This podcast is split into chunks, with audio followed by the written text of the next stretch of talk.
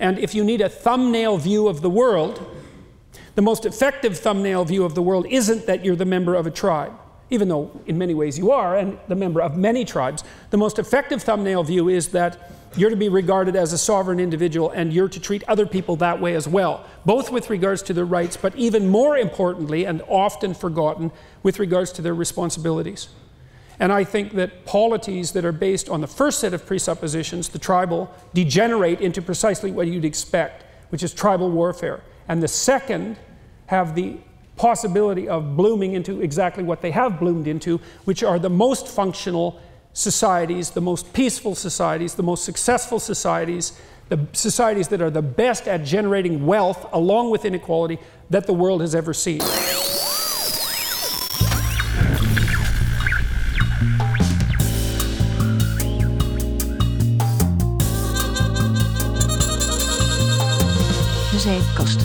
Opgenomen zondag 4 november 2018. Welkom allemaal bij aflevering 54 van De Zeepkast. Jouw bron voor al je science, technology en popculture nieuws. Tegenover mij zit David. En tegenover mij zit Sander. Hoe is die David? Ja, goed hoor, met jou. Ja, ook. ook. Ja, Daar gaat hij weer hoor. Het, we het zijn er weer. toch, toch voelt het dan wel lekker om wel een soort van, van standaard dingen in het begin te hebben. Hoewel we dat voor de Ja, rest niet zo hebben. Dan Ja. weet je waar je moet beginnen. Weet je, ja, dat is wel een goeie. Dan weet je waar het begin is. Ja, Ja. precies. En het einde weten we nu ook waar dat is. Want daar hebben we ook een soort standaard riedeltje voor. Mhm. Maar wat er tussen gaat gebeuren, is altijd weer spannend. Dat is free format. Ja, Ja, Ja. Het is gewoon improv to the max, zeg maar. ja, Ja. ja. Met alle risico's van dien. Ja, het is gewoon cyborg. Nee, man. Sander die probeert een, een nieuwe catchphrase erin te gooien. En eh, eh, ik ben nog niet overtuigd. Dat is toch gewoon vet cyborg, als iets tof is? Oké, oké, Sander. ja, nee, gaat Ik ga nou, gewoon zeggen, zo, dat is vet Sander, man. Wow. nee, Die ga ik erin gooien. nee, dat, nee, iets is vet cyborg als het tof is. Dat eh, komt goed. Hmm. Even over iets anders cyborg gesproken. Wat, nou, wa- wat misschien leuk is om gelijk even mee te beginnen. David en ik zijn al een poos bezig met ehm, een, een, een moeilijk dilemma slash vraagstuk. En dat is namelijk, ehm, moeten we wel of... eh, nou, la- laat ik hem wat breder trekken. We zien om ons heen dat steeds en steeds meer podcasts en andere... ehm, hobbymatige, of nee, dat, dat, nee, dan doe je het misschien te kort, maar gewoon andere, vooral vrije eh, vormen van expressie, moet ik het zo zeggen. Mhm. Ik ben heel benieuwd waar dit Op, op naartoe zoek gaat. zijn naar een manier om toch iets van hun, eh, ja, hun, de, de Nou, kosten die ze daarvoor ik wou, maken. Ik wou, ik wou net zeggen, zou ik gewoon zeggen waar, waar het op staat? Nee, dit, dit klinkt altijd zo whiny en zo is het niet bedoeld, maar we zouden het gewoon tof vinden als we eens kunnen kijken of we misschien wat van de investeringskosten die wij maken terug kunnen verdienen. Ehm, Ja. En we horen eh, om ons heen dat mensen het leuk, of het leuk vinden wat we doen. Dus leggen we die keus bij jullie. Zo kort door de bocht is het eigenlijk, toch? Dat is het zeker. En er, ja. we hebben daar lang en hard over nagedacht, waar we het eigenlijk direct over eens waren. Nou, iedereen zal hem aanvoelen. We sturen nu eigenlijk aan op een Patreon-pagina. Patreon Dat is nu wel de meest hippe methode hè, om Ja. het te doen. Nou, ik vind het ook wel een mooi platform. Het is Ja. een platform waarbij je eh, mensen kunt steunen in dingen die zij doen. Ja. Ehm, en daar kun je dat, dan dat, dat is het ook gewoon. Hè? Het is gewoon van, het zou... van ik vind het tof wat je zijn. doet. Ja. Ik wil dat je dit blijft doen. Hier is een Ja. euro. Ja, dat is precies. En dat is voor ons geen vereiste, dat maar het zou, wel echt, wij eh, het zou wel echt heel nice zijn, zeg Ja. maar. Dat, dat we eh, op die manier Eigenlijk zijn ook we een soort straatartiesten. Dat je gewoon je petje neerlegt en we gaan gewoon ons ding doen. En als je tof vindt, mag je er een eurotje in leggen. Hoeft niet. Ja, Wat ik wel Precies. heel belangrijk vond, een Patreon werkt ook, en daar, nou, daar hebben we het samen heel veel over gehad. Patreon Hmm. werkt met reward tiers. Dus als jij ja. Dus beloningen, beloningen super, super als je Patreon bent, ja. die geeft 20 euro per maand. Dan krijg je toegang tot het meest exclusieve Patreon kanaal op Slack. Dat gaan wij allemaal niet doen. We Nee. waren het er vrij snel over eens dat we willen dat ehm, we willen mensen de mogelijkheid bieden om ons eventueel te steunen. Ja. Maar we willen niet mensen de mogelijkheid ontnemen omdat eh, of, of eh, Je mist om niks. content te je, missen. je, ja. je mist niks als je niet Patreon wordt. Nee, dus het is hebben niet een dat we exclusieve content gaan maken of zo. Of, eh, En daar kun je ons steunen voor 1 dollar eh, per aflevering. Was een beetje het idee om dat per aflevering te doen. Dan zit er namelijk voor ons ook geen, eh, geen, geen druk achter eh, dat als we een maand niet geüpload hebben, dat er wel mensen daarvoor. Ja, dat zou het toch rot voelen. Ja, Dus als we het per aflevering doen, dan kun je ons steunen. Dan beloven wij dat we niet ineens 30 afleveringen per maand gaan maken. Zou toch lullig zijn? ja, ja, daar hebben we sowieso geen tijd voor. nee. Tenzij, nee. hey, als we dan het rekensommetje gaan maken, hebben we zoveel Patreons. Nou, Eigenlijk is dit gewoon nou een, een, een, een evil scheme dat al drie jaar, dat we al drie jaar aan het opzetten zijn. Om nu gewoon, op het moment dat we 100 patrons hebben, dan gaan we gewoon ineens 500 afleveringen online knallen die we al drie jaar Ja. aan het maken zijn. Dan lopen we Ja. binnen, jongen. Ja. Zo, Dat is niet het idee. nee.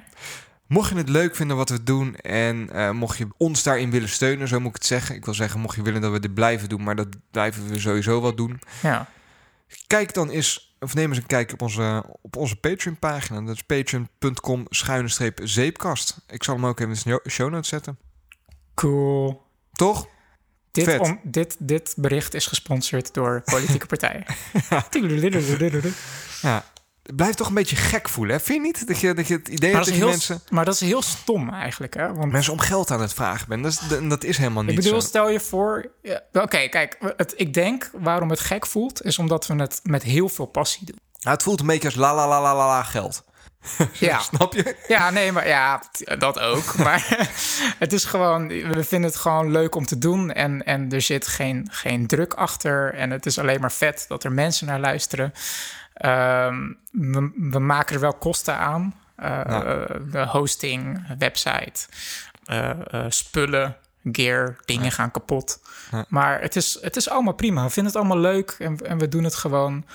Eh, maar daarom zei ik ook, het zou wel nice zijn als dat ook, als dat nog meer verlicht wordt. Dat we het met nog meer rust kunnen doen of zo. Nou, Eh, ik, ik weet even niet hoe ik het anders moet verwoorden. Eh, Ja, het, het- voor mij als muzikant zijnde zit ik ook in een industrie die ook eigenlijk met dezelfde eh, vraagstukken Ja. speelt, zeg maar. Van, van ja, maar het verdienmodel wat- van muzikanten is natuurlijk wel helemaal op schat gelegd. Ja, Mensen kopen geen cd'tjes meer. Ja, je Spotify Nee, zul je het als Nederlands bandje niet van hoeven hebben. nee, precies. Hoe ga je dus dan, waar, eh, waar zit de waarde van je, van je werk in? Want we leven dus wel in, in, een, in, in een maatschappij, gewoon het cliché van... ja, ik moet toch nog steeds mijn huur kunnen betalen, zeg Nou, maar. En, eens. En uiteindelijk, eh, ik, ik haat de gezegde, maar van, oh, je hebt van je hobby je werk gemaakt, zeg maar. Dat, dat, eh, maar zo is het. Eh, Daar zit wel een bepaald raakvlak, zeg maar. Dat, je, dat, dat iedereen, denk ik, wel op zoek is naar hetgene wat je leuk vindt om te doen. Omdat dat, omdat je, dat, dat je ook gaat onderhouden. En ehm, dat klinkt nu heel erg Nou ja, alsof nou ik van de zeepkast je- mijn werk wil maken. Zou heel nice zijn, maar dat, Echt, dat, dat, dat gaat eh, niet, voorlopig even niet gebeuren. Uh, maar dat is wel een soort van het dilemma, denk ik, waar je op doelt. Van ja, kijk, als, als, je, als je het heel leuk vindt om bakker te zijn... dan kan je ook zeggen van ja, ik neem een bijbaantje... zodat ik gewoon een professionele oven kan kopen... en dan huur ik een pandje. En eh, dan ga ik met vol liefde en passie... ga ik allemaal broodjes bakken en maken, want dat vind ik gewoon zo leuk. Ik vind het zo nice dat mensen het dan ook lekker vinden... en dan Ja. komen eten en zo. En als je het echt lekker vond, ja, hier is een potje... gooi er wat geld in of zo. Dat is wel een soort van... Snap je waar ik naartoe wil? Ja, ik snap heel goed waar je naartoe wil. Dus Dus, maar dat zou ik wel even... Dat ik het wel apart vind om, om, om het daarover te hebben, maar dat is het eigenlijk helemaal niet. nee, precies. Ja, precies. moeten we het daar, En, eh, eh, ja. daarbij laten. Ja, en het ja, moraal is... eh, wij zijn wel op dit moment nog steeds die bakker... die met vol passie die Ja. broodjes maakt. En ja, We zijn heel zielig. Nee, dat is helemaal niet waar. ja want als, Nee, je, als je niet betaalt, dan komen we niet rond. Nee. Zullen we gelijk even doorgaan met... Want jij zei net pre-show tegen mij... en ik had er nog nooit van gehoord... maar ik vind het wel leuk om dat even, even aan te tippen. Je had een heel leuk nieuw appje op je telefoon staan. En we doen niet wekelijks app-tips of eh, allemaal helemaal niet. Maar ik vond deze wel leuk om even uit te lichten. Dat is namelijk het appje Carrot. Wat Oh. is Carrot? Ja, Carrot is, is, is een weer-app. Weer app. Een weer, weer een app, ja. Eh, die eh, ja, laat zien wat voor weer het vandaag en morgen wordt. Punt. Ja, kost 5,50. Ja, download het. Is leuk. Weet je wat meer, weer het morgen hoort? ja. Nee, ik, ik had hem... eh, Oh, en ik heb daar zo'n... Mag ik heel even ranten? ja. Ik zeg dat altijd, maar ik vind het weerbericht... Ik, ik kijk nog wel eens televisie. hè. Jij hebt geen televisie, ik wel. Ja. Ik kijk dat dan. En dan heb ik het nieuws gekeken. Dat vind ik dan op zich nog wel aardig. Ook steeds minder. eh, maar Ja. goed, dat heb je gekeken. Dan komt, daarna komt altijd reclame en het weer. En ik vind dat zo extreem nutteloos dat ze me dan gaan vertellen wat voor weer het vandaag is geweest. Doen ze dat? Ja. En wat voor weer het in Spanje is. En wat voor Ja. weer het. Dat, Ja, want je ah, zal, je zal zomaar een, een eh, vlucht moeten pakken naar Spanje, Sander. Als ik in Spanje ben, dan zoek ik daar en dan kijk ik daar het nieuws. Dan zoek ik daar wel het weer op. Of Ja. weet je wel, het weer van vandaag. Ik weet het, ik was erbij. Toch? Dat. ah, Nou, dat weet je wat? Dan heb ik de perfecte app voor jou, Sander. Vertel. Namelijk Drup. Carrot.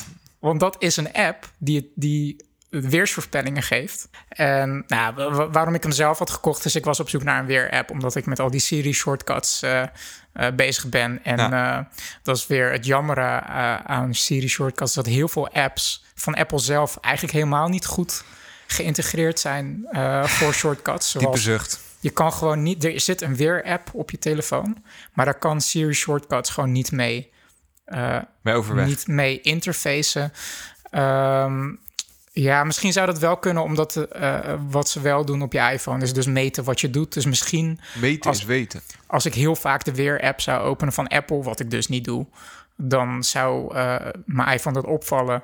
En dan toch een soort haakje aangeven van... joh, misschien wil je dit in je, in je workflow opnemen. Ehm, dus dat is een hele rare methode eigenlijk... waarom Ja. dat niet gewoon standaard inbouwen.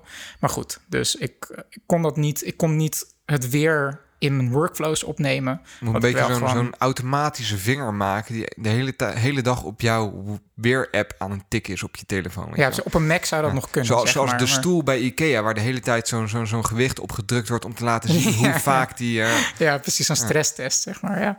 ja. Eh, en de weer-app Carrot kan het dus wel. Die is Siri geïntegreerd, dus die zit dus in mijn workflows opgenomen. Maar het is, het is een, ook gewoon... Een, kijk, op zich, een, een, een app voor het weer kan heel saai zijn. ja. En wat de makers van Carrot gedaan hebben, die hebben het gewoon ook gewoon heel leuk gemaakt. Dat het ook gewoon leuk is om die app te gebruiken, zeg maar. Want het concept is dat Carrot een AI is, artificial intelligence, die zogenaamd het weer zou beïnvloeden.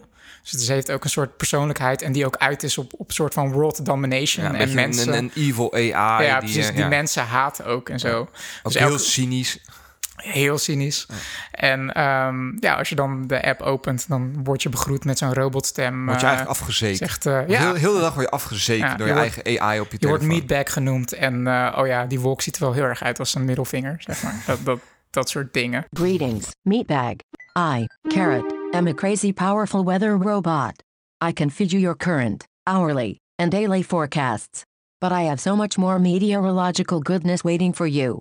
Je kan het uit persoonlijkheid kan je wel eh, eh, instellen. Dus als je niet van eh, sch- scheldwoorden houdt en zo, dan kan je dat allemaal uitzetten. Ik zou alles aanzetten. Ja, en je kan ook je, je politieke voorkeuren doorgeven. Dus je kan, ja, dus je kan eh Carrot echt uber-communistisch maken of liberaal of, eh, eh, of ja, wat jij wil, zeg Hoe, maar. hoe heel heb links of staan? rechts. Ik zou hem extreem communistisch zetten. Dat Nou. zou echt leuk maken. Mijn, mijn carrot staat op, eh, op extreem communistisch. en, ik wist het. En, en, ext- er, gewoon full on vulgarity schelden. Ja. eh, gewoon hele Ah, foute ik zou hem precies zo instellen, ja. gewoon alles op max extreme. hè. Dat is echt hilarisch gewoon. Het is echt zo mooi. Dus, en het is soms, het is ook best wel op de actualiteiten eh, eh, ingesteld. Ik eh opende een keer de app en dan werd ik begroet met de tekst van... ja, the, the greatest trick the devil Verpoeld. uh, ever did was uh, making Bloomberg... Make people believe via Bloomberg of zo... that uh, everybody got hacked. Daarover later Ja, meer. ja. Eh, dat heb ik heel snel slecht verwoord net. Maar eh, in ieder geval, actualiteiten. Bloomberg heeft een artikel gepost over dat iedereen gehackt zou zijn. Eh, dat wordt nu door iedereen in twijfel getrokken. En Carrot, die neemt dat ook in, in zijn verwoording mee. Dat is gewoon lachen, weet je. En Het- het er zitten ook allemaal minigames in Het is gewoon en een weerapp die een lach op je gezicht brengt. Toch? Dat is, dat is wat... Waar een weer, dat, dat zie je ook bij het nieuws terug. Dat ze een beetje strukkelen met hoe kunnen we het weer sexy maken. Ja, Ja, dan gaan we vertellen wat weer gisteren heeft gedaan, wat weer in Spanje doet. En we gaan daar ook iemand neerzetten die er eh, heel hip uitziet. En we gaan altijd grapjes maken tussen de Ja. weerman en de presentator. Ja. Van, oh, wat zie je er leuk uit weer vandaag. Wat leuke schoenen. Ja, niet, dank niet wetende dat wat ik echt wil... is gewoon een, gewoon een uberscheldende communistische je? robot-AI. kan tv nog wat van leren. Ja, precies. nee, maar ik kan het gewoon... Het is ook gewoon een goed ontworpen app. De interface werkt cool. En eh, ehm, ja, ik, ik kan het gewoon enorm wa- waarderen... als iets heel... Wat, wat heel makkelijk saai te ontwerpen is... gewoon toch heel creatief aangepakt wordt. Daar heb ik gewoon respect voor. Vind ik cool. En het is weer een beetje gamification. Da- ja, En Ja. daar ben jij gewoon wel vatbaar voor. ja, Ik ook wel een beetje. Ja. Ja, ja. Het leven moet leuk zijn, Sander. Alles moet een spelletje zijn. dat klopt. Dat klopt. Gamification. Ah, ik daarover gesproken. Ik heb er echt, echt de pleuris in. Ik ben al vier jaar bezig hè, met Waze. Wazi, ik weet niet hoe je het uitspreekt. Wa- ja, wa- ik zeg ook altijd Waze. Dat is Op de wiki staat Wazi. Dat je het zo Oh, uit. Maar volgens mij zegt iedereen Waze. Ja, ik zeg Ik ben Waze. al vier jaar het bezig dus, met het Waze. is een navigatie-app, eh, Ja. Waze. Ja. Waarbij je ook punten scoort voor hoeveel je rijdt. Ik ben echt Ja. serieus al vier jaar aan het rijden. Iedere keer als ik naar de supermarkt ga, zet ik mijn Waze aan en zo. Om David in te halen qua punten. Op het moment dat ik hem ging inhalen... en dit is echt, echt waar. Ik stond een punt of 2000 Believe me, op, people. It's true. op hem achter. Nou ja, eh, dat is toch zo. Ik, zat, ik zat je echt op de hielen. Hebben ze de leaderboards eruit gehaald? Kan ik niet meer echt gewoon... Aantonen dat je van mij gewoon... Ja, ik kan, als we ze naast elkaar houden zien. Maar ik, we hebben niet meer gewoon zo'n lekker rankinglistje... waarop gewoon je vrienden staan dat ik boven David sta. En daar baal ik van, jongen. Dat vind ik zo Ja, jammer joh. extreem kut. Maar ja, dat terzijde. Hé, hey, er was ook een, eh, een keynote. Oh, gaan we daarmee Keynote. beginnen? Ja, why not, toch? Of wil je... Ja, ik dacht misschien de wat moeilijkere onderwerpen eerst... en dan rustig eindigen met, eh, met de Apple Keynote. Ah, dat, is kan, wel- dat mag ook. ja, Zullen we dat doen dan? Ja. Oké, zullen we nou ja, dat doen. hier is een wat moeilijker onderwerp. Bloomberg. Ja. Wat Nice. een verhaal is dat, hè? ja, bizar. Want Het- Bloomberg is gewoon wel echt een gerenommeerd nieuw, nieuwsbron. En eh, Ja, want kan je even samenvatten? We hadden het de vorige aflevering op het einde al een beetje over. Uh, moeten we toch nog even samenvatten. Wat is er gebeurd? Wat er eigenlijk gebeurd is, en ik heb het laatste week niet helemaal meer in de gaten gehouden, maar Bloomberg heeft op een gegeven moment best wel een long read geplaatst eh, over dat de supply chain van verschillende Amerikaanse grote bedrijven, Dus waar producten gemaakt worden. ja, die, Die, die zou compromised zijn. Of die zou, eh, ja, eh, hoe zeg je dat in het Nederlands? Weet ik niet. Maar daar- die, die zou slachtoffer gevallen zijn aan hè, Chinese interference of Chinese, eh, Ja. die, die, die zou daar dingen mee doen. Dat had best wel vergaande complicaties. En Mhm. als je dat artikel las, dat, dat ging gewoon best wel diepte in. En dat las echt wel een beetje ehm, als een verhaal echt. Van, van, van Ja, A naar ja. B. En met, met, met verschillende eh, anonieme bronnen die ze daarover gesproken Een hadden. Internationale spionage-thriller was het eigenlijk hoe, daar plaatjes hoe bij. alle van- Amerikaanse van- van bedrijven gehackt zijn. Eigenlijk. Moederbordjes die je langzaam uitgekleed zag worden... totdat er echt één heel klein rijskorreltje op overbleef. En dat zou dan Mhm. een Chinees chipje zijn dat ze daarop geplaatst hebben. Ja. Via de vendor, eh, ik geloof, was het? Eh, eh, ehm, super mi- micro. Jezus, wat ja, is ze zitten ook in Nederlands. eh, Ze zitten ook Er, in Nederland. er, er heel zit ook een tak eh, in, in, eh, in Nederland inderdaad. Ja, wat slecht voorbereid weer. Super micro of zo. Ja, dus een, eh, een, een vendor die heet Supermicro of een verkoper of een van de grootste verkopers van moederborden. Dus Mhm. dat is eigenlijk de core van iedere, iedere personal computer, maar ook mainframe Servers. servers. En dat is, dat wel even belangrijk daarin. Die komen origineel uit Amerika, uit eh, ja, Maar is het niet zo dat Supermicro... eh, volgens mij is Supermicro begonnen als Taiwanese bedrijf... die nu zijn, zijn eh, hoofdkwartier in Californië heeft. Omdat daar ook gewoon de, meeste klanten ook zitten. Maar de, het grootste deel van Supermicro is Chinees sprekend. dat klopt. En ja. is ook Chinees. En heel veel eh, eh, presentaties die worden ook in het Chinees worden in twee talen gegeven, Chinees en Engels. Maar van de Chinese presentatie. eh, eh, ja, bedrijfsoverleggen eigenlijk meer wordt bijgewoond en eigenlijk completer is dan, dan de Engelse Nee, variant. dat- Dus Supermicro is een, een, een Taiwanese slash Chinees bedrijf met die eigenlijk uitgegroeid is tot, een- tot, een, tot een wereldwijd bedrijf, globaal bedrijf, die, die vooral vanuit Californië opereert, maar zijn roots nog steeds in Azië heeft en het daar ook laat fabriceren. Maar ontwerpen worden inderdaad in, in, eh, in Amerika gemaakt. Maar het, wordt, het heeft een, een, een, een Aziatische bedrijfscultuur, zou ik bijna willen ja, zeggen. Ik probeer Ja. het snel even, even Ja. op te zoeken, maar ik kan het snel niet vinden. Maar dat is Maakt op zich, niet ja, waar- niet, waar niet, het- is op zich niet onbelangrijk eigenlijk, om, om dan... Nee, maar wel... het, het is, eh, het is inderdaad half eh, Amerikaans slash Taiwanese-achtige business. Hmm. Maar dat, dat las dus best wel als een, als een, als een thriller story. Mhm. En dat had ook wel vergaande gevolgen. Dit zou. ehm, we hebben het wel eens eerder gehad over heel de, de, de Amerikaanse inlichtingendienstverhaal. Die, die, die eh, waarschijnlijk eh, st- Stuxnet en, en nou, dat Mhm, soort mhm. virussen. Mhm. Dit is dat on steroids, zeg maar. Ja. Dit is, als, als dit Waar zou zijn. ja. Dat is best wel heftig. Dat heeft heel vergaande gevolgen. Want wat ga je doen als iemand op die manier binnen jouw hardware eigenlijk van alles kan verstoppen. En Ja. daarmee al jouw hardware constant op hardware niveau. Ja, Dus je kan erop zetten wat je wil, maar die, die hack blijft bestaan. ja. ja, want waar het op neerkomt is dat je een bepaald ontwerp voor jouw computer, bijvoorbeeld een Apple of Amazon die servers bestelt.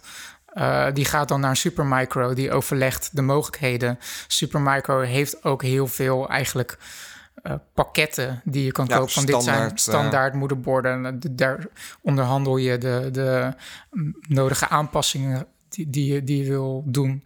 En Supermicro zegt: Oké, die ga ik voor je maken. En dan wacht je. Ik weet niet hoeveel tijd er overheen gaat. En dan, Eventjes. en dan krijg je je bestelling van, van eh, een aantal vrachtwagens met servers. En dan vertrouw je erop dat d- die blauwdruk die je overlegd hebt, dat dat dan zo aangeleverd wordt. Zo kan ik me voor in mijn beperkte kennis van hoe dat gaat, kan ik me dat zo voorstellen. En de vraag is dan van, eh, ehm, is dat dan echt zo dat je dan uitgaat op het vertrouwen van de deal die je met een bedrijf hebt gesloten, eh, dat je, wat je laat maken in China, dat je dat dan zo aangeleverd krijgt? Of zit daar dan nog een check tussen van dat je ook eh, dat je je eigen technici als het ware dat ontwerp nog eens langs laat gaan steekproefsgewijs om te krijgen de- dit heb ik echt ontvangen. Dat er inderdaad geen rare extra aanpassingen zijn gebeurd. Het moment dat je het hebt, de deal hebt gesloten, weggaat en dat het gemaakt wordt en dat je het product ontvangt. Zeg maar dat daar nog dat daar nog er, er, eh, zal uiteraard zitten. quality control op zitten. Ja. Maar als je Ja, dat maar- goed weet te verbergen, als in eh, nou ja, de, de, de mock-ups, want dat zijn het dus in een Bloomberg-artikel, dat zijn niet echt foto's. Maar als het er zo zou uitzien, Ja. succes met het vinden daarvan. Dat is echt wel ja, precies. f- dat flink bedoel ik. In hoeverre kan je dat en als je, dat doe je dan niet op allemaal, maar dat doe je op, op een badge van, van, van, van 10.000 van die dingen. Pak je er drie, vier. Mhm. En dan weet je een hele hoop hoor. Maar goed, dus dat artikel, dat las best wel eng. En dat heeft ook best wel wat gevolgen gehad.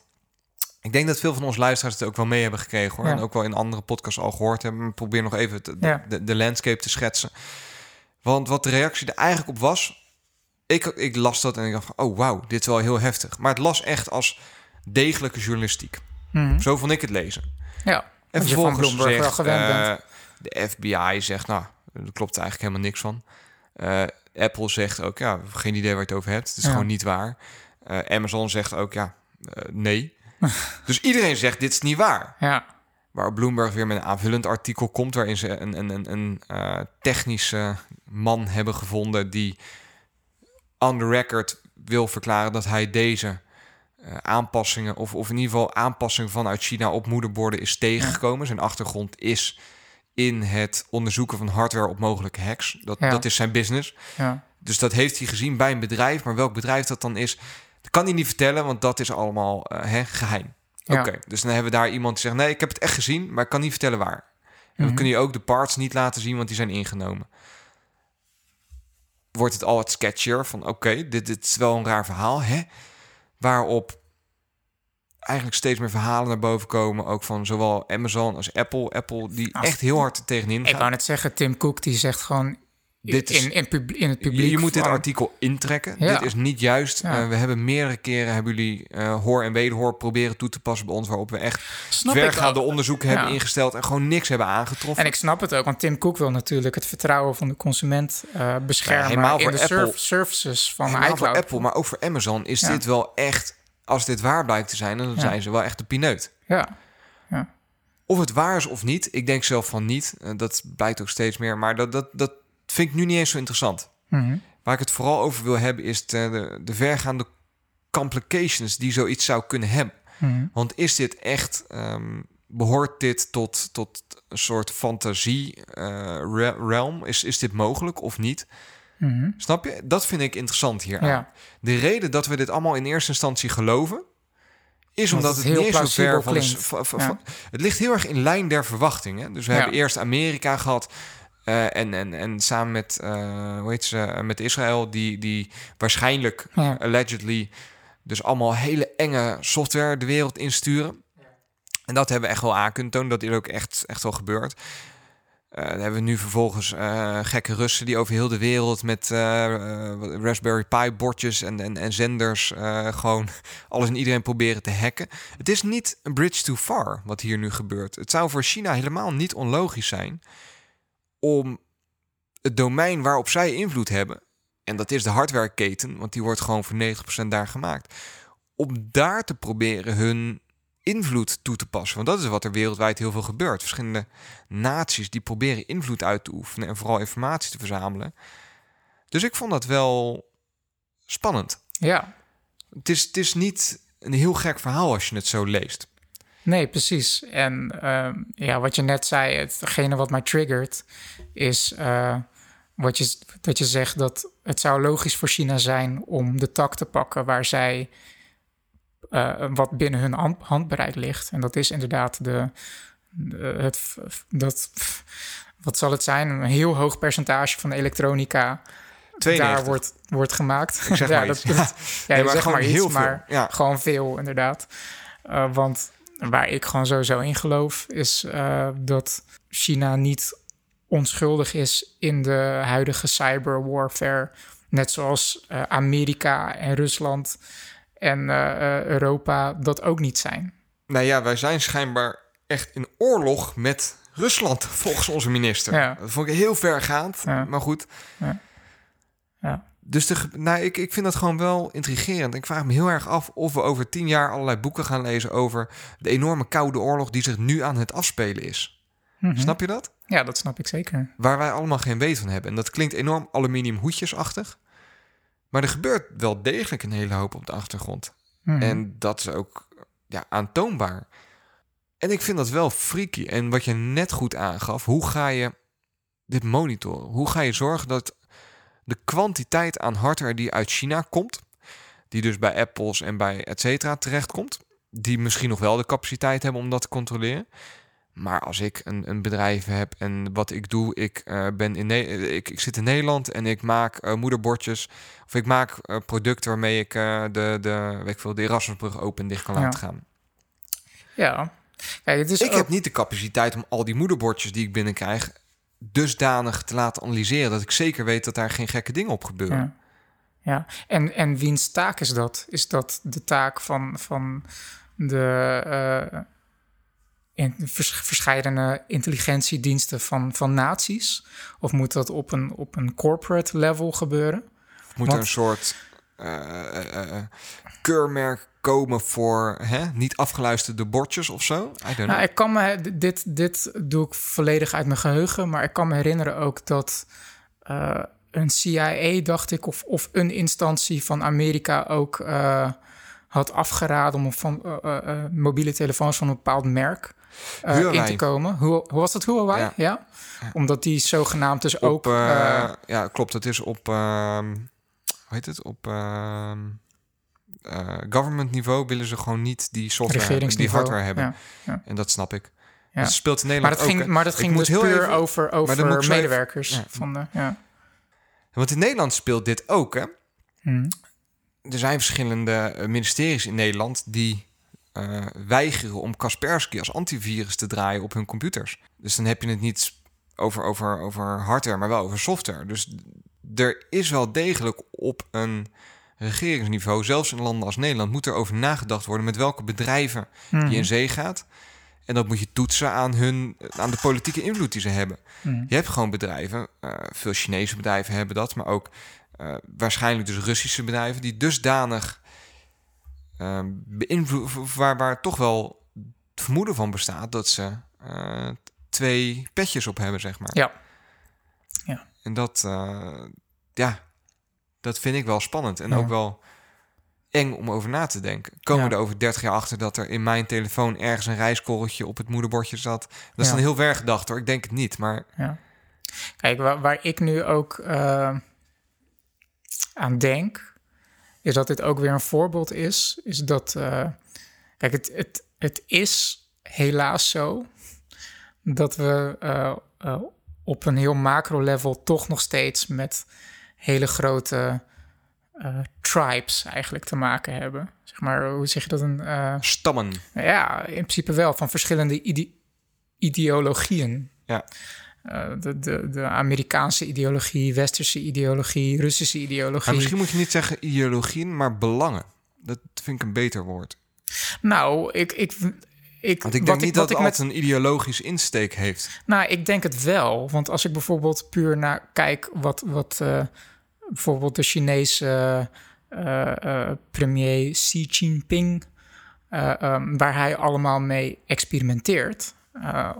Eh, binnen zijn eigen land, Ja. zoals sociale scores, eh, overal camera's plaatsen met, met, Ja. met Echt eh, gewoon die Black Mirror aflevering. Van als jij niet vaak bij je ouders op bezoek gaat, dan daalt je score en dan mag je niet meer met het OV.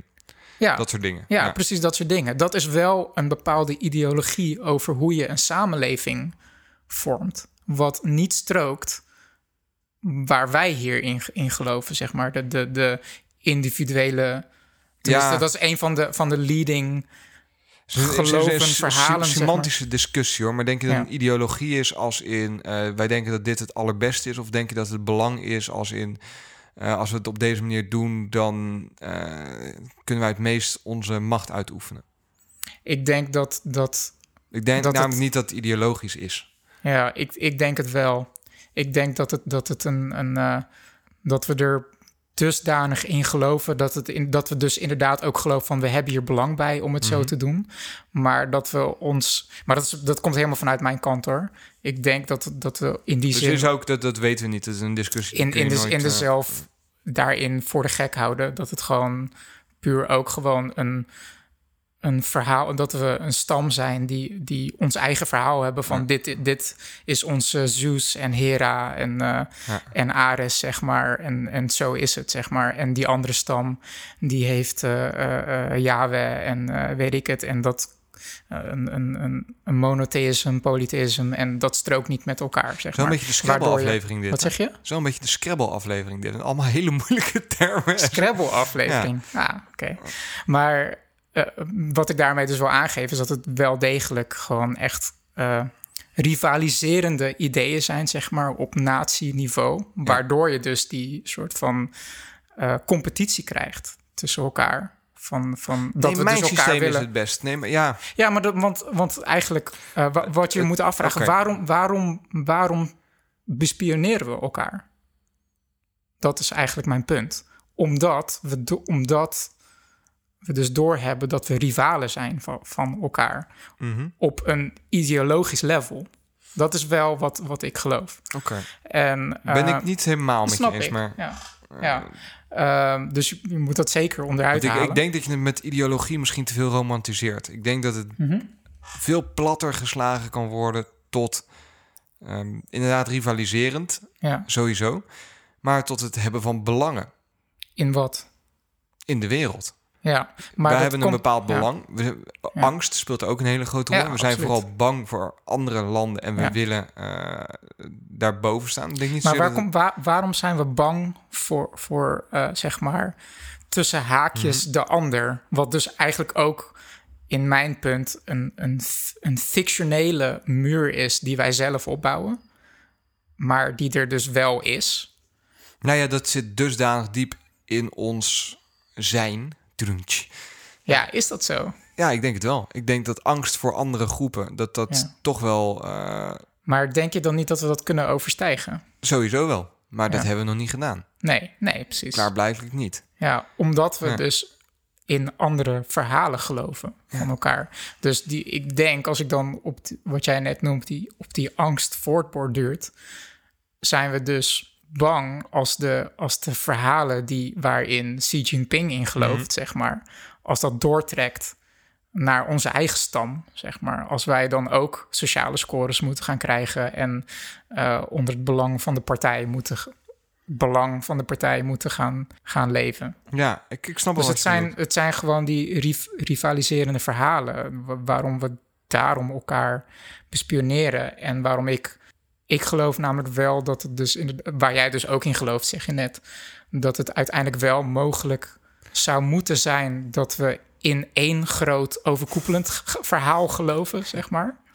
Ik moet de denken aan... Ik, ik zie hem zie ik nu een soort van beeld met David als beauty queen. En dat ze als, als prom queen. En dat ze aan David vragen van... Wat, eh, wat wens je? En dat, dat daar zegt... World peace. Komt Mi- Miss Ja. Nederland. zeg Ja. maar. Ja, maar dan, maar dan zeg maar uitgesmeerd over een monoloog van een uur, zeg maar. Ja. Dat iedereen al gaat- weggelopen is. Er liggen allemaal slingers op de vloer zo, Ja. weet je. Ze zijn nog aan het afbouwen. Zo'n mooie telegraafkop En- van en dan- eh, M- Miss Nederland houdt speech van een uur. En naar daarom, naar wens. en daarom geloof ik in wereldvrede. Cricket. Dankjewel, David. En Simone, wat wil jij? Eh, world peace? Ja, maar... Nou, daar ben ik helemaal uit, uit het verhaal. Maar dat- is wel... ehm, omdat, omdat we wel in die realiteit leven van rivaliserende verhalen... is het dus bijvoorbeeld wel dus heel belangrijk om niet uit het oog te verliezen... dat, je, dat bepaalde dingen heel belangrijk zijn om als het ware onder eigen beheer te hebben. ik, ik hoor Zoals bij jou... bijvoor- bijvoorbeeld de ontwikkeling van artificial intelligence. Eh, dat is eigenlijk een van de nieuwe space race. Mhm. In, in dit huidige klimaat. Kun je niet, niet niet wil dat, dat, om- dat China jou ver, ver, ver gaat inhalen op artificial intelligence of CRISPR-DNA-onderzoek ten opzichte van jouw eigen fictionele stam. Ik, ik denk dat de belangen gewoon heel groot zijn. Op dit moment ook. Waar je vroeger, als je een wat betere ploeg had dan je buurman, dan kon je sneller je land ploegen. En dan. Weet je wel, dat, dat, dat Ja. was eh, kut. Dan had jij wat minder eten dan de buurman. Maar dat, ja, dat was wel overkombaar.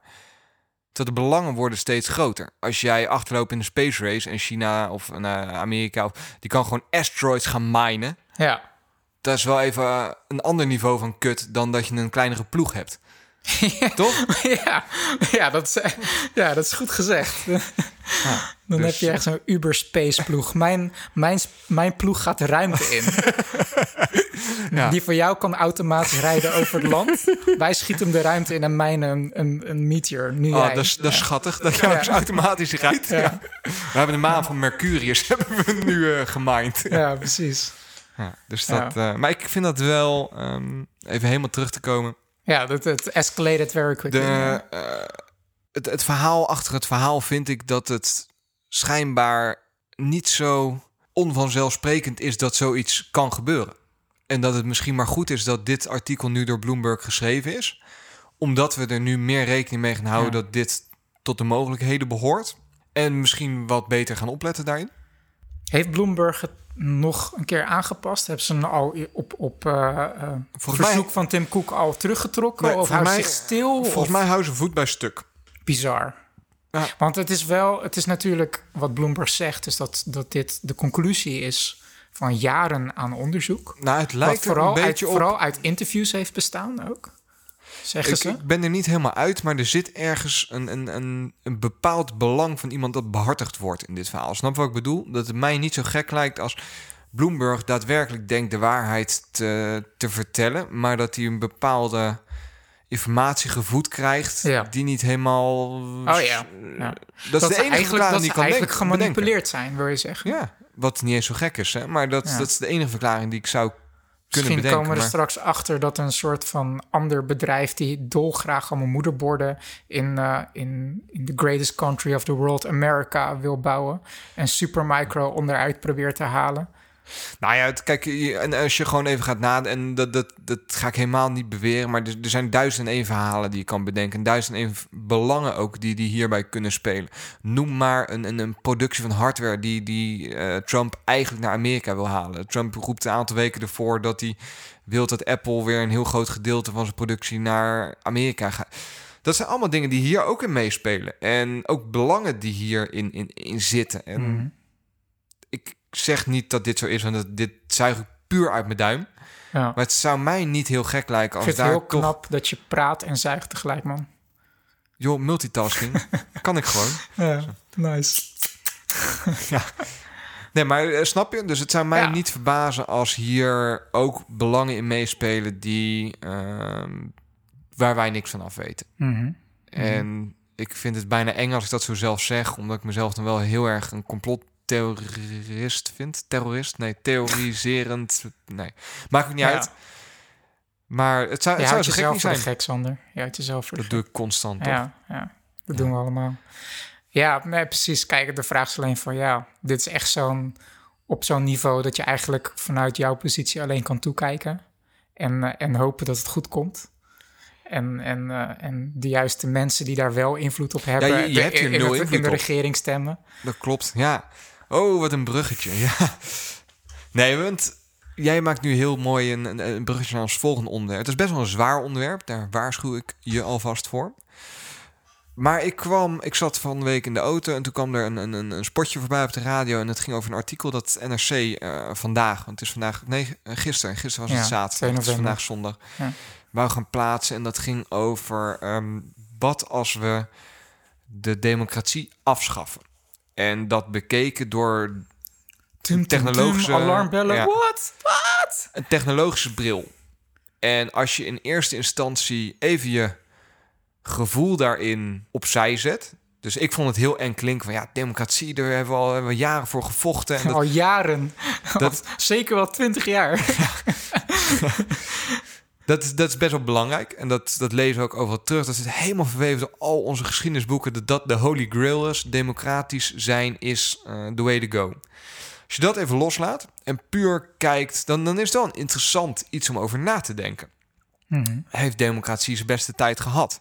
En ik vond het wel leuk om het daar even over te hebben. Wil gelijk een enorme disclaimer bijzetten dat Wij zijn geen economen. absoluut Wij hebben niet. geen Nee, politieke studies gedaan. de We reden dat we het geen idee waar we het hebben, over hebben. de reden dat we het hierover gaan hebben is omdat ik het gewoon wel heel interessant vind om erover na te denken. En ik zou het, ik vind het ook wel spannend om daarover na te denken. Ja. Snap je dat? Ja, precies. Ik vind het wel een mooi, Ja. mooi kroeggesprek. En Want wij, eh, ja, eh, dat zeker. Want ik heb er ook, toen jij daarmee kwam, zat, dacht, zat ik ook even over na te denken. Want we hebben bijvoorbeeld een van de regels, we proberen politiek en eh, religie zoveel mogelijk te, te vermijden. Ja. Maar in dit geval is het meer eh, filosoferen over wat als en het hebben over systemen. En niet direct over bepaalde personen. het, het is meer of- een, een, een verhaal van hoe zou het ook kunnen. Precies. En ehm, zonder waardeoordeel. Ja, zeker. Ik, ik, heb dat NRC-artikel gelezen wat je doorstuurde. Misschien dat je hem even, even kan show, samenvatten? zetten ook? Ja. Het was, eh, en, en het NRC heeft geloof ik op zaterdag nu een soort ding... dat ze iedere zaterdag een what-if story eh, publiceren. Ja. En dat is best wel grappig geschreven. Dat is alsof eh, het is geschreven vanuit het oogpunt van een, een, een, een, een jongen. Nederland in, in 2059 Ja, of zo. die, die, die zelf rondloopt. En het, het is een soort ehm, romannetje. Of, of- of, ja, ja. short story. short story. Kort hij loopt rond en hij is Ja. uitgekozen tot een van Ja. de van de honderd die eh, door een algoritme uitgekozen zijn om voor een bepaald type wetgeving dat nu door de Hoge Raad op de agenda is gezet, om daar een beslissing in te maken. Eigenlijk de sprong die ze maken in het verhaal is dat de volksvertegenwoordiger wordt niet meer gekozen door het volk. Uh, En volgens maar, mij is maar dit... door een algoritme die en dat was me niet helemaal duidelijk, maar uh, Nou ja, die, het- die het mensen concept dat ze selecteert op pakken- bepaalde bepaalde Op zich, wat zij vertelde was niet eens zo heel gek. Hè? Want het, het concept dat zij pakken van 99 mensen is volgens mij uit Ierland. Ja, nou, En, volgens mij, dat zegt eh, ze ook op het einde van het artikel. Ah, Oké, ja. nee, ik, ik wou zeggen, ik weet, ik Ja. heb een broertje in Ierland wonen. En die Mhm. houdt zich veel bezig met dat soort Mhm, dingen. Ja. Dat is een Iers concept. En daar laat dan in een belangrijke wetgeving laat ze 99 mensen die, die random uit de, vol, Ja. uit- de volksvertegenwoordiging verkozen worden. En waar het ook nog zij van- zijn de volksvertegenwoordiging en zij worden uit het volk gekozen. En zij mogen daar dan, eh, ik weet niet of het adviserend is of bindend, weet ik allemaal niet. Hmm. Maar zij mogen daar iets van vinden en iets van zeggen. Dus dat is op zich niet eens een heel vergaand idee. Maar op de achtergrond wordt binnen dat artikel wordt ook het verhaal geschetst van er is een enorme ramp geweest. Dat wordt eigenlijk toegeschreven aan het milieu en aan Trumps huidige eh, miskenning Ja, van... niet alleen Trump hoor. Nee, maar gewoon de, de, de, hij wordt daar wel in, in singled out, zeg maar. Hij wordt daar wel een, een flinke zwarte piet Een- in toegespeeld. Ja, vond ik wel meevallen eigenlijk. Maar wij als mensheid eh, hebben de, de wereld Het verpest. was, het was meer een cameo dan dat hij er in dat verhaal dan... En er wordt eigenlijk in verschillende landen wordt dan beschreven hoe zij dat, de, de, de nieuwe kijk op democratie aanpakt. En ik vond dat best wel leuk om te lezen. Want het zet je wel aan het denken van zou dat kunnen? Ja, Waar ze in, eh, ik geloof in Noord-Korea hebben ze een systeem. Het nou, zo, zo, voorbereid. wat, Ja. wat de, de meest bizarre vond ik, wat ze in dat verhaal beschreven was in Singapore... ja, dat ze mensen eh, met meer geld meer eigenlijk... vermogen. meer, meer, eh, Hoe meer, meer macht geven. hebt, en meer in Korea, en in Korea was een soort verdeling gemaakt van... je hebt standaard één stem. Als je je middelbare school afmaakt, krijg je vijf stemmen. Oh ja. En eh, ehm, als, Als je je, dan een nog... speciale test neemt om aan te tonen Precies, dat je, dan krijg je- weet waar het over gaat, dan krijg, Dan krijg je tien stemmen. stemmen, ja. Dus dat is op eigenlijk een beetje idee, skill-based. Maar dat komt eigenlijk... Dat is eigenlijk Grieken, geloof ik, hè? Die dat zoiets deden. ja, ja ik, nogmaals, ik heb geen politieke studies eh, gedaan, dus eh, ik waag me daar niet aan. Maar eigenlijk wat je globaal zag waren drie ideeën. Eh, technologie selecteert de meest capabele mensen om keuzes te maken. Educatie geeft aan wie wiens stem meer weegt. En jouw rijkdom, oftewel hoe goed jij het economisch doet, Ja. geeft gewicht aan, aan jouw stem. Ik vond het ook leuk om te lezen, maar daar, om heel eerlijk te zijn, bleef het daar ook een beetje bij. Ehm, want eh, het was mij niet helemaal duidelijk eh, waarom democratie per se zo slecht is. Het enige wat Ja. ik eruit kon halen was een soort van insinuering dat het de huidige klimaat, het populisme, beweging naar rechts, dat dat de, ja, de liberalen niet aanstaat en dat ze daardoor een niet nader beschreven catastrofe zien aankomen, waardoor democratie op de schop moet. Nou ja, ik vond er één, één, eh, één... Want er stond een passage in, die heb ik hier... en die vond ik dan op zich nog wel aardig. Even kijken. De ramp was vermijdbaar, maar de politiek had gefaald. Bestuur en volksvertegenwoordiging waren vooral bezig geweest... kiezers naar de mond te praten. Emotionele thema's kregen meer aandacht dan ze verdienden. Politici deden bijvoorbeeld als geloof een groter probleem als dan klimaatverandering. De kiezer droeg zelf ook schuld. Die was weinig geïnteresseerd, liet zich leiden door slogans, ontbeerde ook de kennis om weloverwogen keuzes te maken, die leidden tot het kiezen van de juiste leiders. En vooral die laatste zin. Want dit sprak mij best wel aan. Hmm, ja, nee, dat is, dat is wel denken. echt heel concreet En inderdaad. vooral die laatste zin zat me aan het denken, eh, want daar ben ik het niet helemaal mee eens. Ehm, liet zich leiden door slogans, ontbeerde ook kennis om weloverwogen keuzes. Nou ja, daar ben ik het wel mee eens. Maar ik denk dat de keuzes die gemaakt moeten worden, ook dusdanig complex worden, dat het Ja. heel moeilijk is om daar een, een, een eh, idee over te hebben. Dus Mhm. een van de, van de dingen die, ik- die ik persoonlijk, maar dan moeten we heel erg oppassen dat we niet in te politiek. Maar ik vind het heel vervelend Ja, tegenwoordig. Laten we gewoon zeggen van dit wordt even een Disclaimer, Een poosje, ja, hier mag je maar nooit op gaan, we gaan vrij, Ja. We gaan vrij uitlullen en we gaan eh, struikelen. En, Nou, wa- wat ik heel vervelend vind tegenwoordig is dat iedereen over alles een mening heeft. En ik doe daar zelf ook aan mee, maar ik probeer wel altijd ook ehm, een anders mening te begrijpen. En ehm, dat mis ik tegenwoordig wel eens. En over sommige dingen zijn gewoon te complex om daar iets over te vinden. Nou, ik denk Sommige misschien... wetgeving- Ik, misschien wat, wat jij vervelend vindt, denk ik... Mhm. is niet zozeer dat iedereen een mening heeft... maar dat mensen hun ei- eigen meningen als feit gaan aannemen. Daar ligt het probleem. Ja, dat ook. Maar ook dat Want een iedereen. mening hebben is prima. Nee, vind ik dus niet. Ik vind dat je ook moet beseffen op het moment dat je ergens te. Nou ja, ik Nou, vind het tuurlijk, wel prima kan- dat je ergens mening tuurlijk, over hebt. Dat, dat doen wij met de zeepkast ook. Wij zijn niet... Ja, dat- wij, dat zijn ik- niet wij zijn niet... Dat zeg ik wat geen, onhandig. geen programmeurs, wij zijn geen artificial intelligence experts, we zijn geen economen. We zijn gewoon twee guys die, die boeken lezen en, en snel geïnteresseerd zijn in dingen. Ik- dat ik we daarom wat- meningen hebben. Maar wat wij, wat wij doen, wat, wat anderen dus waarschijnlijk minder vaak doen, is dat we ondertussen, terwijl we dit allemaal zeggen, Mhm. donders goed weten dat wij de waarheid niet in pacht hebben en dat er meer research nodig is Ja. om te snappen wa- waar onze gedachten vandaan komen. En de dingen die ik zeg, zijn, of die wij zeggen, zijn ook over het algemeen over dingen waar we wel iets over kunnen zeggen. Ehm, De, de, Ja. Er zijn echt wel heel complexe thema's noem een zorg in onze samenleving. Mhm. Wat, wat is een leven waard? Mhm.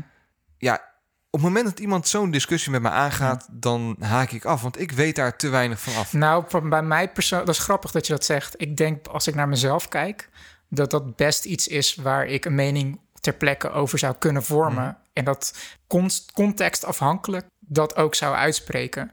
Ehm, ik zou dat bijvoorbeeld nu niet, eh, de vraag die je nu stelt, publiek. ja. publiekelijk op het internet knallen.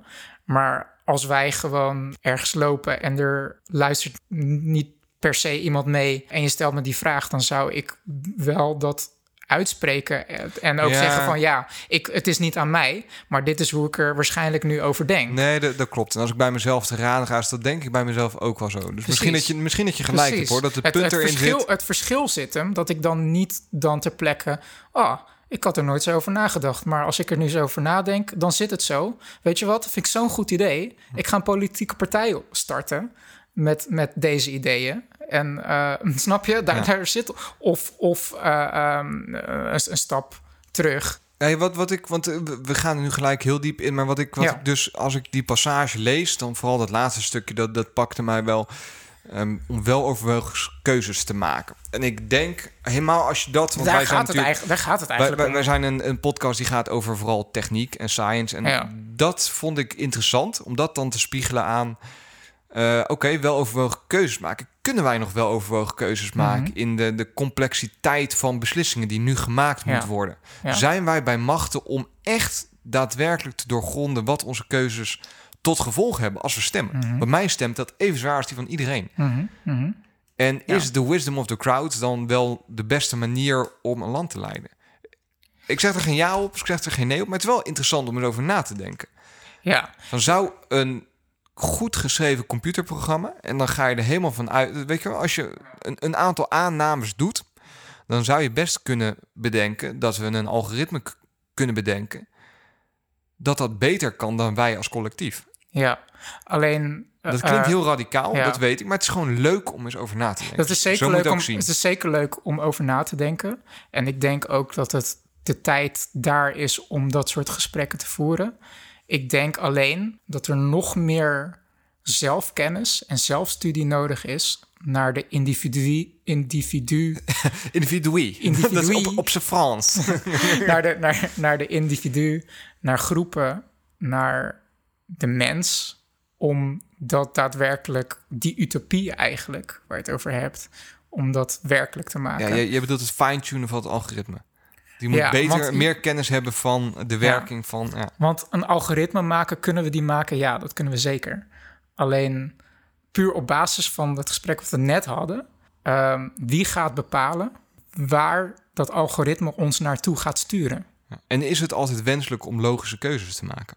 Ja, Puur ge- gebaseerd op, op, op, op eh, redenatie? Op... Nou ja, eh, eh, ja, op gevoel bijvoorbeeld. Of, want er zijn dus nog steeds heel veel eh, ehm, rivaliserende ja, kijken op de wereld. Iedereen ervaart de wereld ook anders. Dus is het überhaupt mogelijk om een algoritme te maken die rekening kan houden met al die verschillende ervaringen Ja. en gevoelens?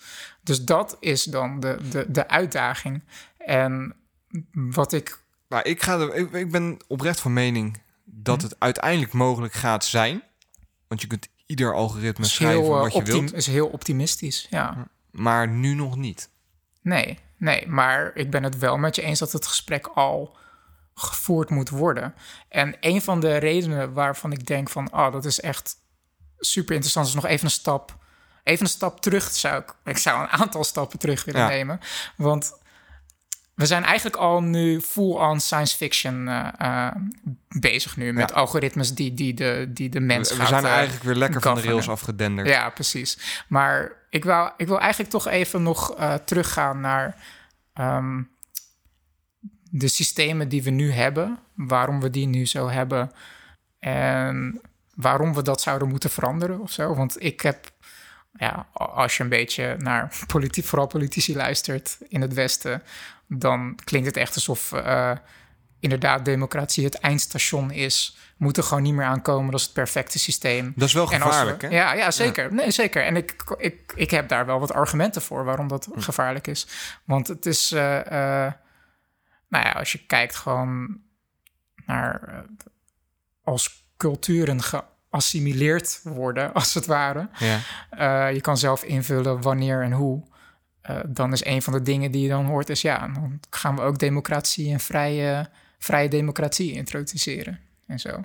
Maar de vraag is, is zo'n land en Daar cultuur voor. daar klaar voor, inderdaad? Zijn wij daar überhaupt klaar voor met de moeilijke keuzes die we nu moeten maken? Of eh, waar konden we dat? Was dat een goed systeem voor ons? Maar is de en daar doe jij ook eigenlijk eh, de, laatste, de hele tijd op met zijn problemen nu com- te complex geworden? Is dat systeem niet meer geoptimaliseerd voor de huidige realiteit? En ehm, een van de dingen die ik toevallig van de week tegenkwam, helemaal los van dat jij met dit onderwerp kwam, eh, was een parallel tussen ehm, eh, systemen en evolutie. Eh, en dan nog specifieker, waarom wordt het lichaam ouder? Waarom is er ouderdom, zeg maar? Dus dit wordt even een full-on 20 stappen terug. Om Ja. dan weer terug te komen naar... David, kom naar, terug! Naar, naar politiek. Dus, dus bear with me. Heb even Ja. een moment. Want dit gaat... Je denkt eerst even van... Waarom heb je het hier over? Had Kort Zak daar niet een filmpje over? Nee, Why, niet... Why We Age of zo? Ja, ja, dat wel. Maar niet per se waarom dat gelinkt is aan, aan eh, politieke systemen en dat soort dingen. Want wat ik überhaupt gewoon een, een interessant fenomeen vind, is dat je ehm, als je de realiteit bestudeert. eh, Wat eh, eigenlijk de- iedereen altijd doet. Nee, nee, nee, dat zeker niet. We zijn, ik denk dat, eh, oké, dat is weer een sidestep, maar, maar in één zin, ik denk dat heel veel mensen de realiteit aan het interpreteren zijn en niet aan het bestuderen. Dat zijn twee hele verschillende dingen. Oké, oké. Ja. Maar als je de realiteit gaat bestuderen, ga je op een gegeven moment bepaalde patronen zien die zich herhalen. Over de, de, de evolutie van, van sterrenstelsels tot aan evolutie van planten en organismen op een planeet. Daar, zit, daar zitten Een bepaalde cadans zit er. overlappen. Ja. Je, je krijgt eh, ja, onderdeel van, van emergence theory, zeg maar emergentie. Dat, ik weet niet of dat het Nederlands woord is. Ik weet het ook niet. Ehm, dat wanneer je een aantal simpele regels hebt, dat er dan steeds lagen bovenop ontstaan. Eh, als je een, een, een bak met moleculen hebt als water, dan ontstaan op een gegeven moment golven. Ja. Maar dat, is, dat zijn steeds lager erbovenop. Een van de systemen waar ik dan op wil inzoomen is evolutie en natuurlijke selectie. Eh, want daar zit waarschijnlijk een antwoord waarom we ouder worden. Er werd heel lang gedacht, tot aan ja, de jaren 50 zeg maar, dat het ouder worden en het doodgaan van organismen waarschijnlijk ook gewoon een reden, als het ware een reden heeft, echt specifiek geselecteerd is door evolutie, omdat je dan plaats maakt voor, voor nieuwe generaties, zeg maar, die Ja. dan weer upgrades en mutaties hebben. Er zijn nu twee hypotheses slash theorieën die eigenlijk best wel wijd geaccepteerd zijn. En ik ga ze samen, ik ga ze niet individueel behandelen, ik ga ze een beetje door elkaar samenvatten. Ehm, het heeft te maken met senescence. Het feit dat eh, je cellen die, die zich delen in het lichaam, Mhm. die delen dus ook je DNA. Maar dat het een, een houdbaarheidsdatum heeft en op een gegeven moment negatieve effecten gaat vertonen.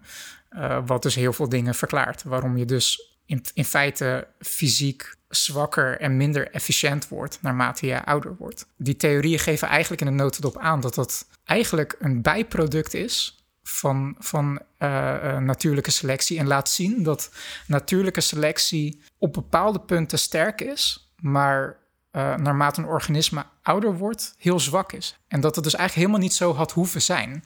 Snap je wat ik bedoel? Tot Ik- nu toe. ik- je moet maar als ik, als ik, eh, Ja, ja, als ja, ik ja. van de hak op de tak spring, moet je het Nee, eh, maar ik probeer mee te komen. Kijk, ik, ik ken wel het verhaal van... eh, ik weet niet meer hoe die cel heet, maar die wordt constant gedeeld. En omdat die constant gedeeld wordt, wordt die steeds zwakker. waardoor, en dat is eigenlijk onze aging gene.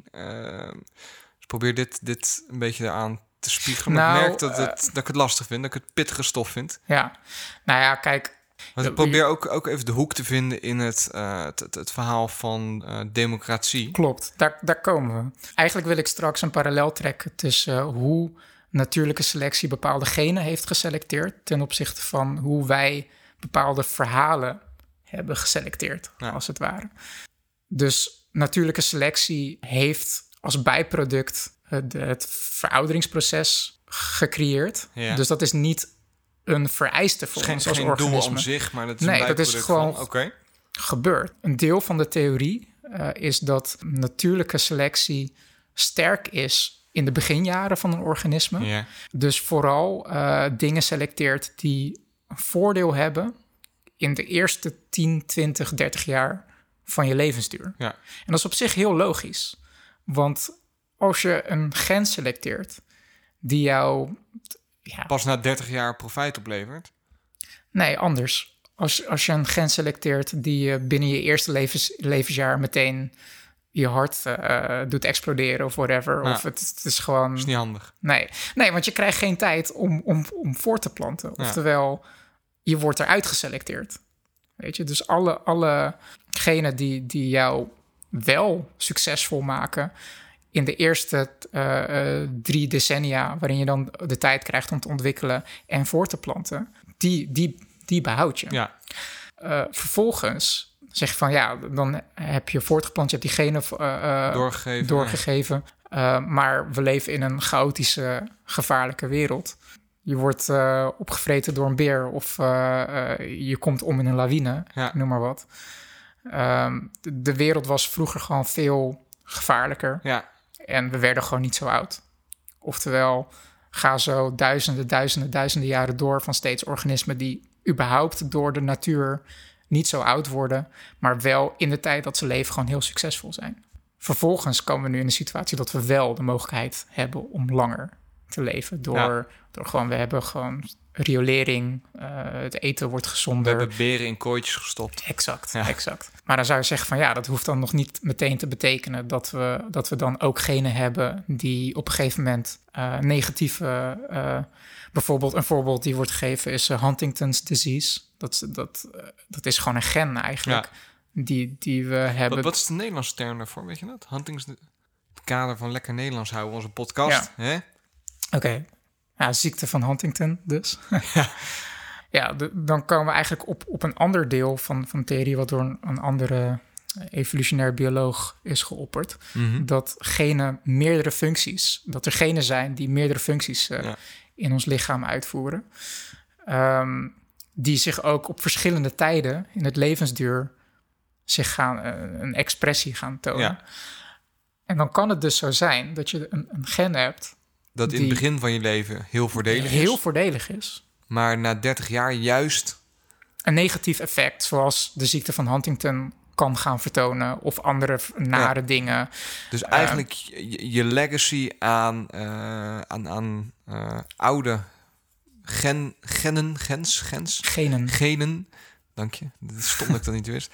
Die die uh, 20 jaar geleden profijt hebben opgeleverd... die speelt je nu parten. Dat is wat je zegt. Ja, ja, en dat gaat nu zich extra vertonen, omdat we... Uh, omdat de, we gewoon niet zo oud werden. Omdat de meeste natuurlijke gevaren hebben we geëlimineerd. Ja. En we hebben de kans om oud genoeg te worden dat die aspecten zich gaan vertonen. Um, er wordt dus ook als voorbeeld gegeven van, ja, je hebt gewoon niet echt bejaarde, bejaarde dieren. De enige bejaarde dieren die we hebben... Huisdieren. Zijn huisdieren. Ja. En, in, en, uh, en die zijn sowieso niet heel representatief meer voor hoe dieren moeten zijn, zeg maar. Die hebben we best wel nee. Nee, precies. Maar allemaal. het is wel een indicatie van dat systeem... dat ook weer op ja. verschillende organismes is Ja, ze hebben dus vertoond. op zich last van dezelfde ziektes... waar mensen last van hebben. Ja. Dus, dus ja. je hebt honden en die, die worden uh, blind. Of worden... Gewrichtsproblemen worden blind, dat soort dingen. Ja, ja. Um, dus het, het, het moraal van het verhaal... Uh, het moraal van dit verhaal wordt niet te oud. Toch? nou, het, het ouder worden is in principe niet nodig. Dat is een technisch probleem. Ja. Dat is misschien ook leuk om het een andere keer Eens. nog uh, uitgebreider uh, over te hebben. Hebben we het voor mij wel eens over gehad, toch? Dat we, dat we eigenlijk ouder worden niet zo moeten... of dat we doodgaan niet zo moeten um, um, glorifyen. Volgens mij hebben we het er wel eens over gehad, weet ik niet zeker. Nou, we niet specifiek, ja, wel buiten dat, dat, de dat podcast. hele statement ja. van, van, van het leven is mooi omdat we doodgaan... dat dat misschien wat, wat anders uh, gezien moet gaan worden. Maakt ook niet uit. Gaan we ja, het nu niet ja. over hebben. Maar sowieso los daarvan, ik vind het gewoon vet interessant... dat, dat het in feite gewoon een, een, een technisch probleem is... en waar nu heel veel onderzoek naar gedaan wordt. En dat, dat in eerste instantie eh, de kwaliteit van het leven verlengd moet worden ten opzichte van het levensspan verlengen, zeg maar. Ja. Uh, maar wat in dit geval interessant is, is dat er dus een natuurlijk proces is Ja.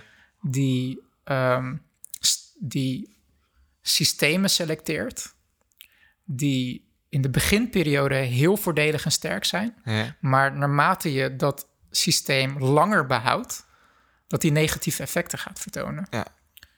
Dat is de, de, de senescence van een cel, dat die een houdbaarheidsdatum heeft. Als je dan nu de, de aanname gaat doen, en dat is een aanname waar ik persoonlijk erg in geloof, zeker met het verhaal, de, de, de inleiding, dat je bepaalde patronen kan doortrekken eh, op verschillende niveaus. Eh, dat eh, wanneer je dus een groep aan organismen hebt, bijvoorbeeld de mens, Ik wou zeggen, Die- noem het de mens. de mens, Ja. ja. die allerlei ideeën genereert over hoe een samenleving, hoe een stam zou moeten functioneren. Ja.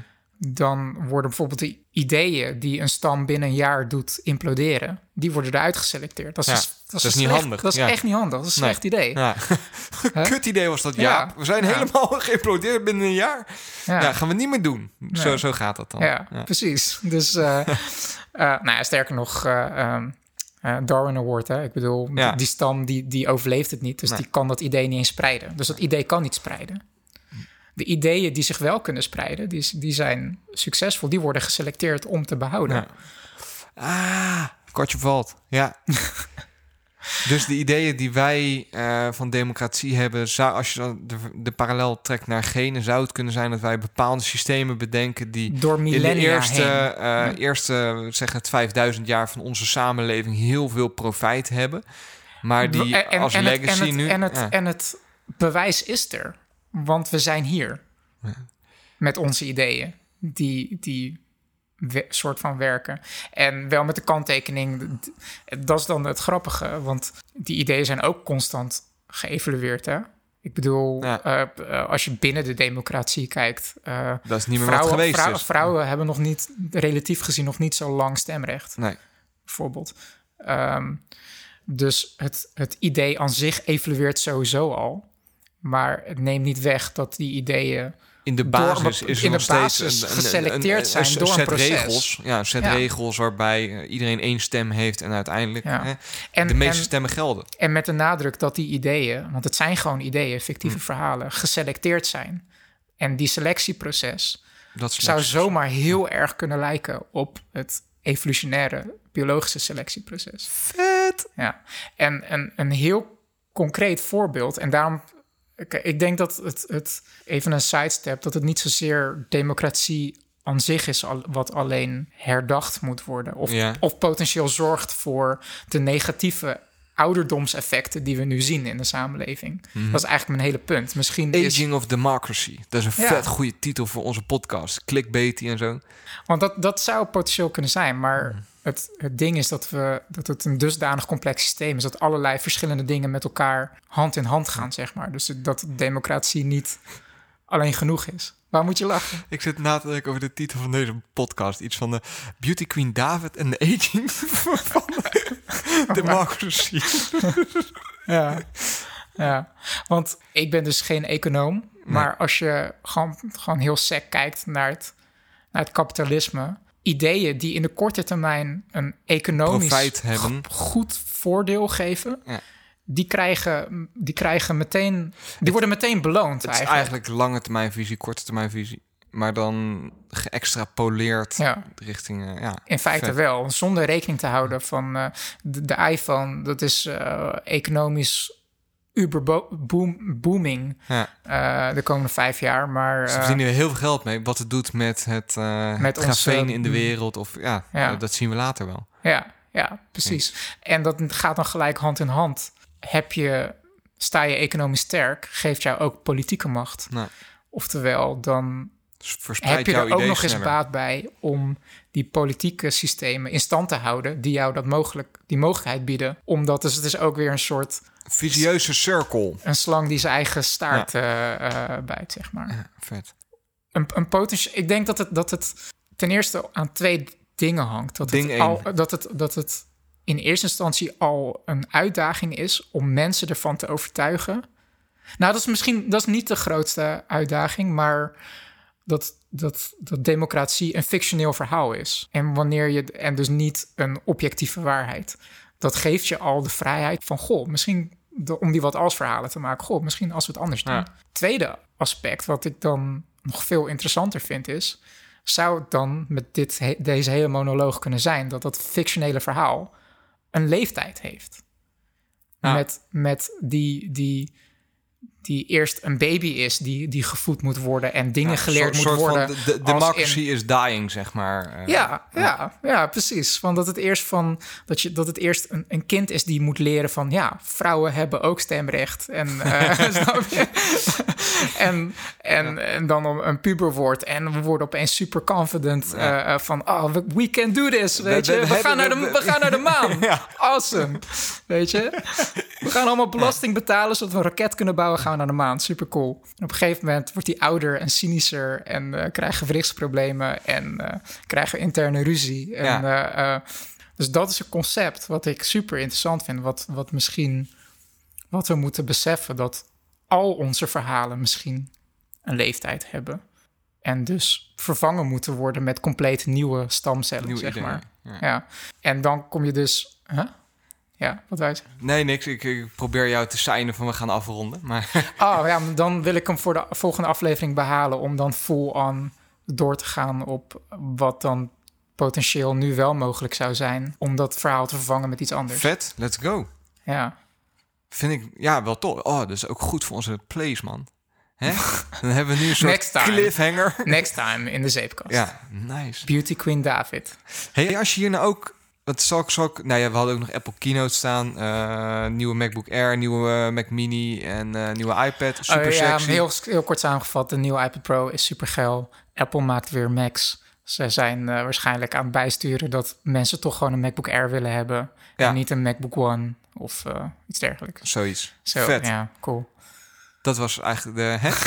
Apple Keynote in 10 seconden. Wat dacht je ervan? Zullen we hem lekker afsluiten? Ja man, ik vind het helemaal mooi. Lieve luisteraars, bedankt voor het luisteren. Het was, eh, vond ik, een hele goede aflevering. Ik moet nu natuurlijk iets aanpassen. eh, want heb je eh, ideeën over wat wij net besproken hebben? Wil je iets kwijt? Kom dan even naar ons Slack-kanaal te vinden op onze website. Vind je het nou heel tof wat we doen? En wil je ons ook financieel wat ondersteunen daarin? Dat kan via onze Patreon-pagina, die ik nog even moet posten op onze website. Ga ik doen. Nou ja, dat was hem eigenlijk. Ik wil weer allerlei socials en zo gaan doen, maar gaan we lekker niet doen, want we hebben Slack. Toch? Ja. ja, en ik bedacht me ineens dat hele verhaal over de, de theorieën over waarom we ouder worden, waarom we genen hebben die ouder worden, heeft Nature een heel vet artikel over. Die zal ik ook Show in, eh, in de show notes plaatsen. Ja. Tof. Lieve luisteraars, bedankt voor het luisteren. David, dankjewel. ja, ook bedankt Sander. Live long and prosper. Ciao.